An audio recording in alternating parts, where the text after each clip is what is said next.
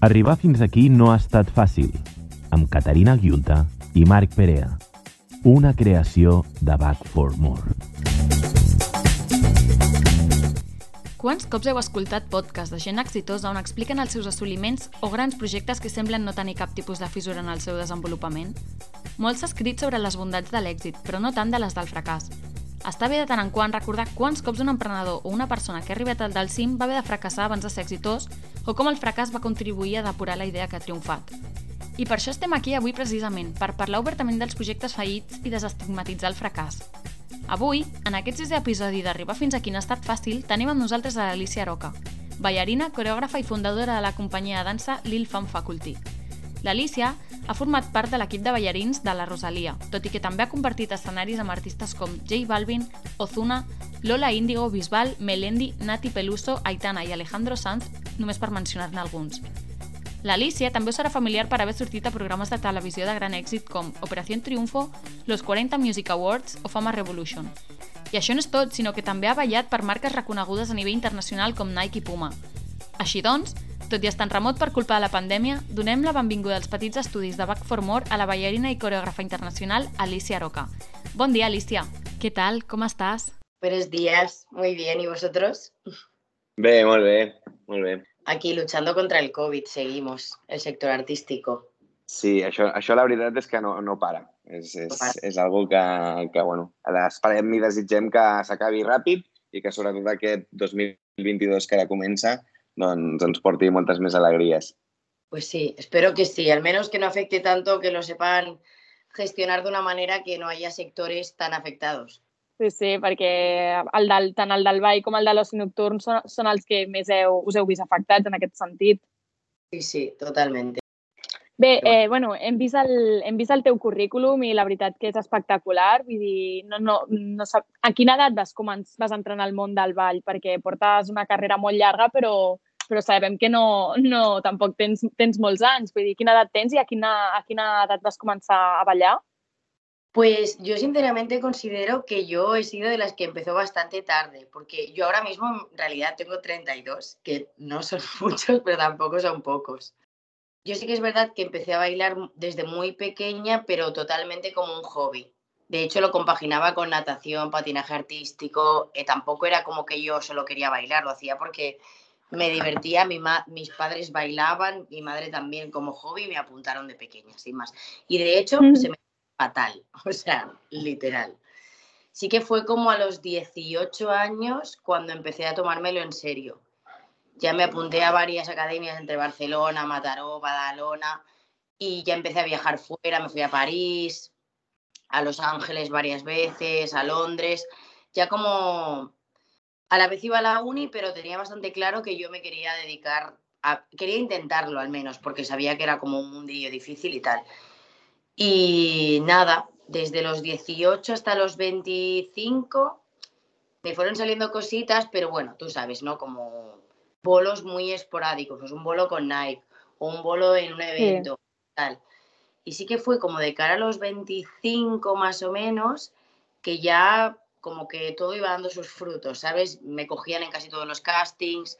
Fue más o menos a los 26, 27 cuando hice el casting de OT, de Rosalía, del videoclip que hice de Melendi y Alejandro Sanz, que es, fue una de las experiencias más guays que he hecho.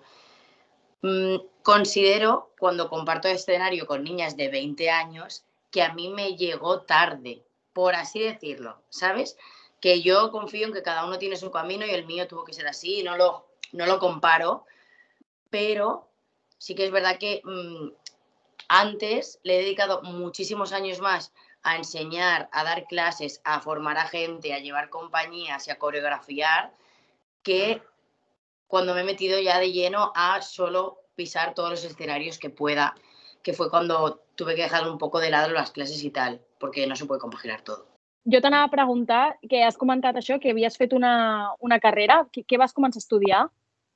Yo empecé a, estudiar INEF, pero porque sí que es verdad que siempre se me ha dado muy bien estudiar, tenía muy buenas notas de bachillerato, de selectividad, y como tampoco mis padres veían súper claro lo del baile, y sinceramente, aunque yo quería, yo misma, era muy joven, tenía 17 años y tampoco sabía si lo veía clarísimo, porque os he dicho que hasta los 18 no empecé a ponerme en serio. empecé a estudiarla y la verdad es que mm, me alegro de haberlo hecho porque los cuatro años me lo pasé muy bien, conocí gente muy guay y como experiencia pues todo suma y todo son aprendizajes. Pero no la terminé. Justo cuando la iba a terminar me salió la oportunidad de irme de tour por China unos cuantos meses y como yo digo, esa fue como mi perdición, por así decirlo, porque eso ya lo empecé a empalmar con compañías de baile, trabajos de baile y ya es como que mm, todo el mundo me dice lo típico de, Buah, si no te quedaba nada. Y es verdad, o sea, lo reconozco y yo misma muchos años he estado fustigándome en plan, Buah, qué mal, porque me gusta como terminar todo lo que empiezo. Pero sí que es verdad que, uno, no he encontrado el momento de ponerme con eso, porque desde entonces sí que no he, no he dejado de estar desconectada con el baile de una manera o de otra.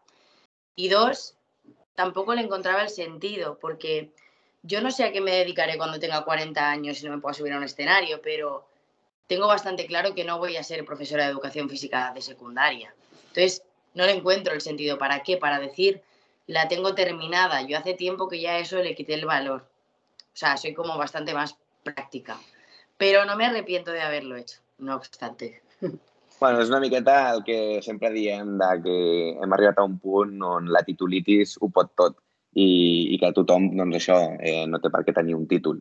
Llavors, agafant una miqueta aquest, aquesta idea de, de l'educació, tu vas rebre suport per part dels teus pares quan els vas dir escolta'm, vull dedicar-me al ball?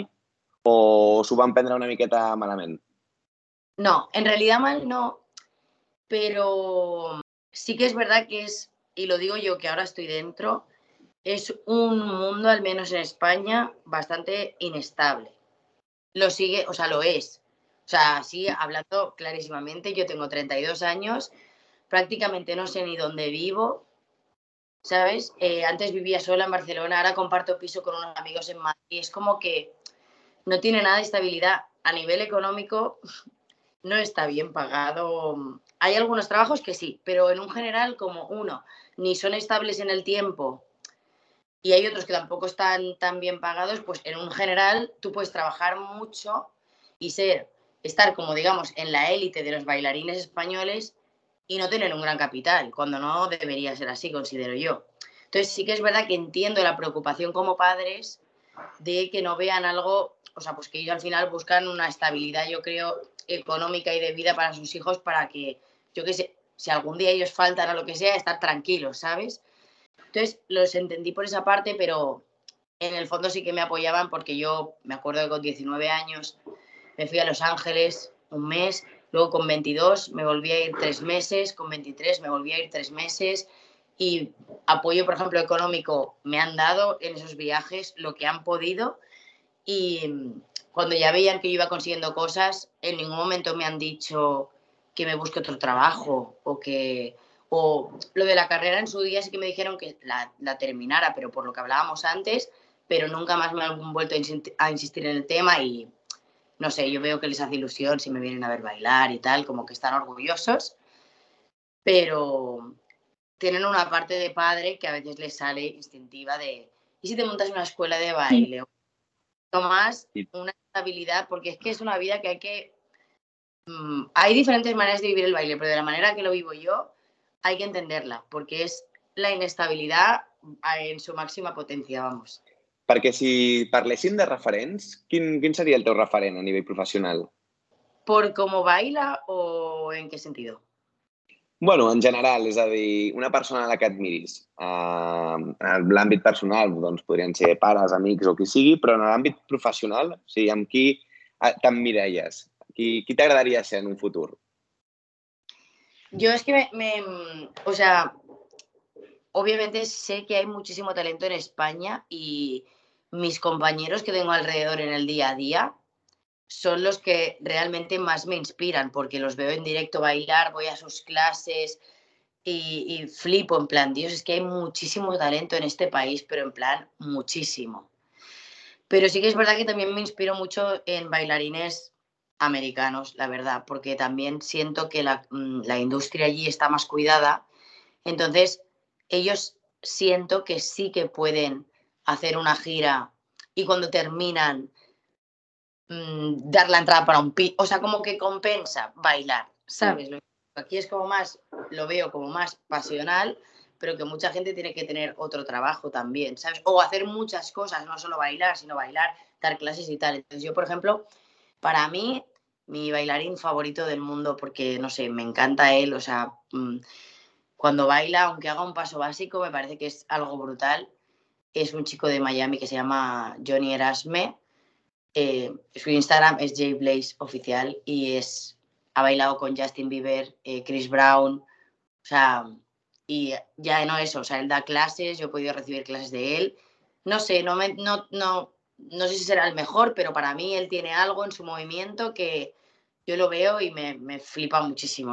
Eh, abans, eh, que comentaves que, bueno, que bueno, es podria considerar inclús que formes part d'aquesta élite no, de ballarins espanyols. Eh, es necessiten contactes per arribar a ballar amb els artistes amb qui has ballat? És a dir, has compartit escenaris amb, amb la crem de la crem no? de, dels artistes musicals. Es necessita algun tipus de contacte o realment és a base de suor i esforç que pots arribar a compartir escenari amb aquests grans noms? Yo creo que puedes llegar de las dos maneras. Sie- siempre está bien tener contactos. Yo tengo que decir que no se me da muy bien, eh, porque socialmente al principio, pues como que soy un poco tímida, solo al principio y tal, y no, y interesada en el sentido, Buah, me voy a acercar a esta persona porque sé qué tal. Eso siempre se me ha dado mal, se me ha dado mal venderme muchas cosas. Entonces yo he sido más de, la mayoría de cosas que he hecho ha sido por casting. O sea, he ido al casting y si me han cogido, pues lo he hecho. Pero no obstante, ya llega un punto que la gente te va conociendo y es verdad que hay otros trabajos que simplemente, pues alguien que me conoce, que lleva ese trabajo, me ha llamado directamente. O sea, que eso también pasa. Y lo veo bien. O sea, de hecho, no lo juzgo para nada, porque si yo el día de mañana me llama un artista para coreografiarle y me pide cuatro bailarinas, seguramente no haga casting, porque es que conozco a cuatro bailarinas válidas y que encima Claro. que estamos a nivel personal para hacer ese trabajo. Entonces, tampoco me, me gustaría hacer perder el tiempo, hacer un casting para luego coger a cuatro chicas que yo ya sé que voy a coger. Entonces, yo confío en los métodos. Si de repente necesito 20 bailarines, quizás sí que me gustaría abrir un casting para ver también gente nueva y darle oportunidad a gente nueva. Pero si ya hay gente con la que has trabajado, sabes que trabaja bien, que es responsable, que te funciona, Claro. veo bien que haya gente que directamente le pegue un telefonazo y te ofrezca ese trabajo, ¿sabes? Así que va bien tener contactos, así, que te conozcan. Um, si ens tinguessis que dir el teu pitjor moment de la teva carrera professional com a ballarina fins ara, quin, quin seria? Aquell moment que ho has passat més malament, que has dit, hosti, no sé si val la pena, um, aquell moment en què doncs, tens fluixera i dius, hosti, ho deixo tot. Pues- Recordes algú? Sí, sí, sí, lo sé, lo, o sea, lo tengo clarísimo. Hubo un momento cuando eso, lo que os decía antes, hasta los 25 o así, que yo no dejaba de dar clase todo el rato. O sea, creo que había un año que daba como 20 clases a la semana, que eso ahora mismo a mí me parece una locura. Ahora doy una. Y mm, yo en realidad quería bailar, entonces estaba como frustrada, por así decirlo. Y sí que es verdad que fui a unos cuantos castings, tengo que decir la verdad, tampoco me maté, porque estaba insegura de ir. A los que fui no me cogieron. Yo considero también que se llevaba un prototipo de físico más diferente al de ahora, que era más, pues chicas más altas y más delgadas, que eso ha cambiado ahora. Em, entonces, entre que no me cogían en los castings, que no dejaba de dar clase y yo en realidad no era lo que quería hacer, físicamente tampoco me veía que encajaba, en plan, yo me veía con una talla 36 gordísima, real. Sí, sí, Eh, és que el món del ball és així, eh? Sí. Ahora es diferente, ¿eh? porque yo sigo estando igual, Sí, bueno, más mm. como encajo. No sí, però fa uns anys era, era, era dur, jo recordo, no? que, que tenia totes les meves amigues ballarines obsessionades amb això de la, amb la talla, perquè eren Sí. molt, molt rígids. Sí, sí. ahora al menos en el ámbito urbano, también al, al entrar pues el reggaetón, mucha gente latina, el prototipo este Claro. de Carolina Curvy, se ha Sí, abierto sí, sí, sí. un poco. De hecho, ahora hay trabajos que, pues yo qué sé, si de repente la cantante es bajita, piden a, bailarinas bajitas o con curvas. Quiero decir que creo que se están abriendo un poco más los estereotipos físicos. Entonces hubo una época que yo estaba muy agobiada. De hecho, yo le decía a, mí, a un chico que da clases conmigo, es que no sé si mis clases están siendo ni de calidad porque yo misma no estoy bien, estoy frustrada, quiero bailar y me acuerdo que lo dejé todo, me fui a Ibiza, no sé por qué Ibiza, pero como seis meses.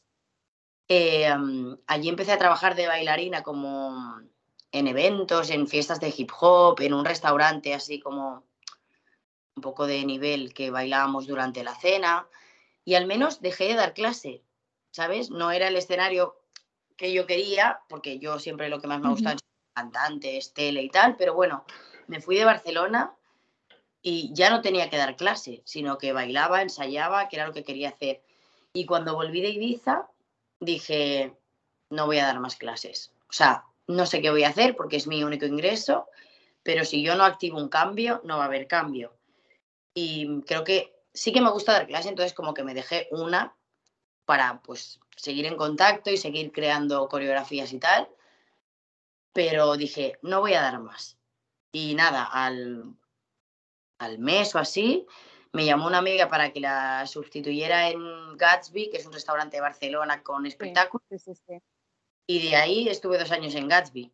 O sea, de entrar a sustituir una noche, ya me quedé dos años que ya lo dejé cuando ya empecé con Operación Triunfo, me coincidía. O sea, que de ahí, desde que yo dije, dejo de dar clase, para mí fue el inicio de empezar a trabajar como bailarina. O sea, que creo que al final fui yo un poco la que inició el cambio también. Sí que es verdad que empecé a ir a terapia para tener más seguridad en mí misma y, cosas por lo que os contaba del físico y tal. Y yo creo que todo eso como que ayudó a que de pasar a que no me cogieran ningún casting a pasar a que me cogiesen en todos. Todo, ahí hubo un cambio. Así que justo antes de ese cambio fue la peor época para mí. Clar, perquè has comentat això, que bueno, tant a la, als 25 que et deien que no en els càstings i, i que va ser com un, ostres, doncs, inputs negatius que van fer que, que et frustés una mica la teva carrera, bueno, doncs hi ha moltíssima gent no, que ara s'està trobant en, en aquesta mateixa situació, que es presenta a càstings però no surten. Quin consell els hi donaries per cada, que, cada no que reben en un càsting? Yo creo que el problema es que nos lo tomamos muy personal, porque al final nuestra profesión es tan pasional que está muy conectada a lo emocional. No es tanto como yo sé que hay mucha gente que va al trabajo pues con otras motivaciones, el dinero o lo que sea, sabes que lo veo perfecto. La nuestra, yo creo que es mucho más emocional. Entonces, ¿qué pasa? Que cuando tú vas a un casting llena de ilusión, porque realmente quieres hacer ese trabajo, es que ya no es ni siquiera solo el dinero, es que realmente tú quieres hacer ese trabajo.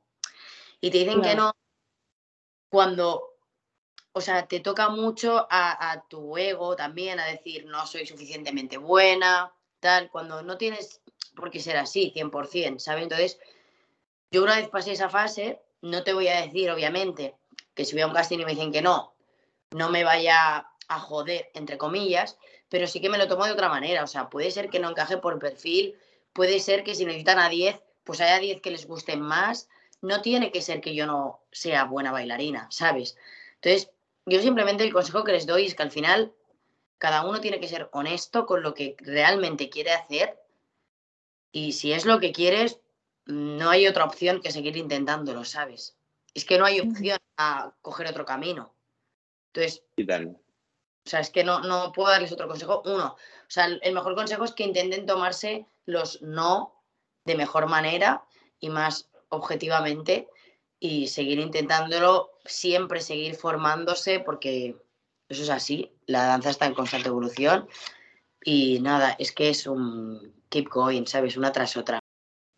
Parlant de formació, hem vist que, que has fundat l'acadèmia la, Lil Fan Faculty. Eh, com va ser això? Com et va donar per aquesta vena emprenedora?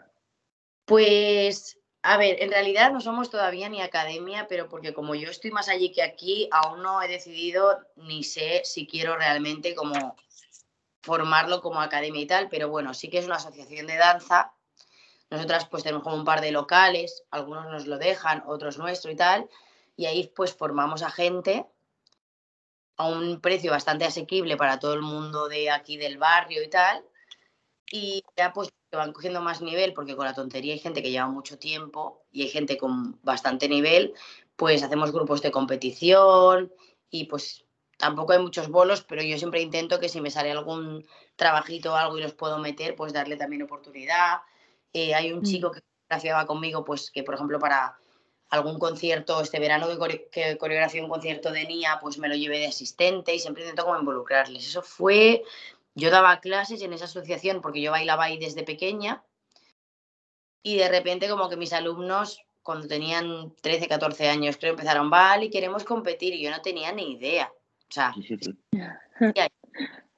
o sea, yo empecé a competir yo a la vez que ellos, o sea, que empecé a competir a la vez que empecé a coreografiar para competir, una locura, pero bueno, lo hice un poco porque a ellos les hacía ilusión y aunque quedáramos mal y todo, todos tuviéramos que aprender, empezamos así. Empecé con 10 alumnos, les monté un show de competición, fuimos y eso fue creciendo y antes del COVID creo que éramos como ciento y pico personas solo en competición.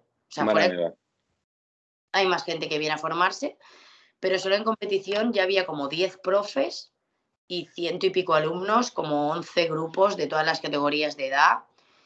Y nada, al final, sinceramente, yo tampoco me llevo nada económicamente de esa parte, a no ser que vaya y, haga mi trabajo. O sea, yo cuando no estoy, eso lo lleva otra gente. Yo, pues, obviamente estoy con ellos, los superviso, les ayudo si vengo, doy clase y tal, pero es algo que hice más por amor a esas personas que porque yo no me llevo nada de ahí. Eso yo quiero que siga funcionando siempre porque considero que es un mm. espacio sano y bonito para que la gente conecte y comparta cosas, pero mm, sin más, lo hice porque estaba a gusto, por la ilusión que les hacía a ellos y a mí, pero sí que es verdad que hubo un momento en mi vida que tuve que mirar más por mí y dejarlo un poco de lado. Ahora, el tiempo que le dedicaba antes. O sea, sigo estando en mm. contacto ellos, eh, los coreógrafos que están ahora, si necesitan ayuda, me la piden, si tengo que montar algo, vengo y lo monto, pero ahora pues como esto tiene una edad limitada, tengo que centrarme más en mi carrera como bailarina, pero eso sigue ahí y mi idea es que siga y que siga creciendo. Quan vas començar el projecte, eh, vas haver de, com de implementar algunes tècniques o hàbits en la teva rutina, perquè clar, vas passar de ser 100% ballarina a haver de dirigir un projecte amb cap i peus, on hi havia molta gent implicada, on hi havia altres coreògrafs. ¿Vas haver de fer un canvi de, de rutina? Bueno, es que ahí yo creo que no me consideraba nada bailarina. O sea, sí, sí, porque aparte yo bailaba en grupos y tal también, pero yo ahí me centré 100% en esos alumnos, en formarles, en dar clase, en pensar sus shows de campeonato, en montar shows de campeonato. Así me he tirado muchos años de mi vida. Que sí iba, seguía bailando, pero hacía algunos bolos y tal, pero yo ahí no me sentía, o sea, sentía que, que el 80% de mi energia iba hacia el projecte. Perquè abans parlaves que, que això del ball té una edat limitada. Uh, com et veus en el futur? Com veus eh, créixer i, en aquest, entre cometes, fer-te gran? No lo sé. Es que es muy fuerte no saberlo, pero es que es así. Yeah. A ver, yo mi cuerpo ahora está bien, pero mm, te tengo que reconocer que no está igual que cuando tenía 20 años. O sea, yo tiro, ¿eh? yo en el escenario no me veo diferente, pero sí que es verdad, pues, que a nivel de recuperación no es lo mismo, sinceramente. Entonces yo voy a intentar conservarme bien y tirar todos los años que pueda, pero siendo realistas, yo una gira como la que he hecho ahora con Lola o un show como el de Lola, que es físicamente muy duro, no, o sea, no lo voy a hacer con 40 años. O sea, yo creo que no, ¿sabes? Entonces, eso es una realidad. Entonces, no lo sé, a mí me encantaría ser coreógrafa después, pero si, ser bailarina es difícil, ser coreógrafa aún más, porque es como que, al menos en España, em, ya hay coreógrafos que llevan mucho tiempo en esto y claro, esos coreógrafos también conocen a gente es lo normal. Si yo tuviera un trabajo de coreógrafa, pues seguramente cuando yo no estuviera se lo pasaría a alguien que ha estado conmigo toda la vida trabajando y que sabe cómo trabajo y tal. Entonces, veo difícil el momento meterme por ahí, pero a mí me encantaría coreografiar después de bailar. Eh, la realidad, no la sé, tío. Es que no la sé, real, ¿eh? Es que a veces lo pienso y me da vértigo y, luego da igual si en realidad no sé qué va Segur que ho aconseguiràs, segur. Convençut. No sé qué va a pasar. L'opció de marxar a coreografia fora, vull dir, aquí a Espanya dius que ja està com tot vengut, no? per dir-ho manera, que tots els coreògrafs ja tenen els seus aquí deixar-li no? el, el, el llegat, no podries marxar fora? A ver, yo creo que fuera también es un poco igual, pero sí que yo creo que el problema de España no es que esté todo el pescado vendido, por así decirlo, sino que no hay tanto trabajo para todos los bailarines y coreógrafos que somos. Sinceramente así lo pienso, porque la industria musical de España, no, si os fijáis, ¿cuántos, em, ¿cuántos cantantes españoles llevan shows, bailarines y tal? No hay tantos en realidad, por el tipo de música que se hace aquí. Yo creo. Claro. No, no tengo tampoco la verdad. Entonces, si él me fuera, bueno, ahora en enero me voy a Estados Unidos unos meses. Lo que pasa que mi visado de artista ya pues caducó, que eran tres años. Entonces ahora tengo que irme con el de turista, a ver si con abogados de allí, con ayuda, puedo volver a sacarme el de artista mínimo por tres años más, que es mi idea. Intentar Mm. estar tiempo. Pero es que todo es muy difícil, ¿sabes? O sea, por muy buen currículum que tengas y tal, es todo tan difícil que a veces hace un poco cuesta arriba. Complicat, és complicat. y, y- y trabajar fuera, ya sea Sudamérica, que me fliparía, Centroamérica, Estados Unidos o por Europa, es que me encantaría, pero a veces lo veo como difícil simplemente. O sea, y en realidad hay coreógrafos y bailarines muy buenos en todos lados, o sea, que no me necesitan, ¿sabes? Pero bueno, yo ahora me voy a ir un poco a ver, pues, que si la vida me sorprende por algún lado, no sé. Voy sin ningún tipo de expectativa en concreto sí que voy con ganas de bailar y de, de mostrar también mi trabajo, pero la realidad es que voy con un visado de tres meses y, y en teoría con el que no se puede trabajar. Así que, no sé, chicos, eh, me, enca- la- me encantaría, sinceramente, pero no sé si se va a dar la oportunidad de, de Segur. trabajar. Segur que sí. Confiemos. Confiem, exacte. Bé, bueno, ara ja per acabar, que ja està acabant el podcast, voldríem fer-te un petit qüestionari de preguntes i respostes ràpides que els hi fem a, a tots els convidats que han anat passant per, per als nostres episodis. Ens agradaria que les respostes fossin una mica àgils i espontànies, així que tampoc hi haurà massa temps entre pregunta i pregunta, ¿vale? Vale, Vale, per, com- comencem. Si no fossis ballarina, a què t'haguessis dedicat? Ay, espera, espera. La música, como componer canciones y cosas así. Creo que sería algo artístico. Musical o alguna així, no? Sí. Amb quin artista t'agradaria poder ballar? Chris Brown. Estudiar o treballar? Trabajar. El que més odies de ser ballarina?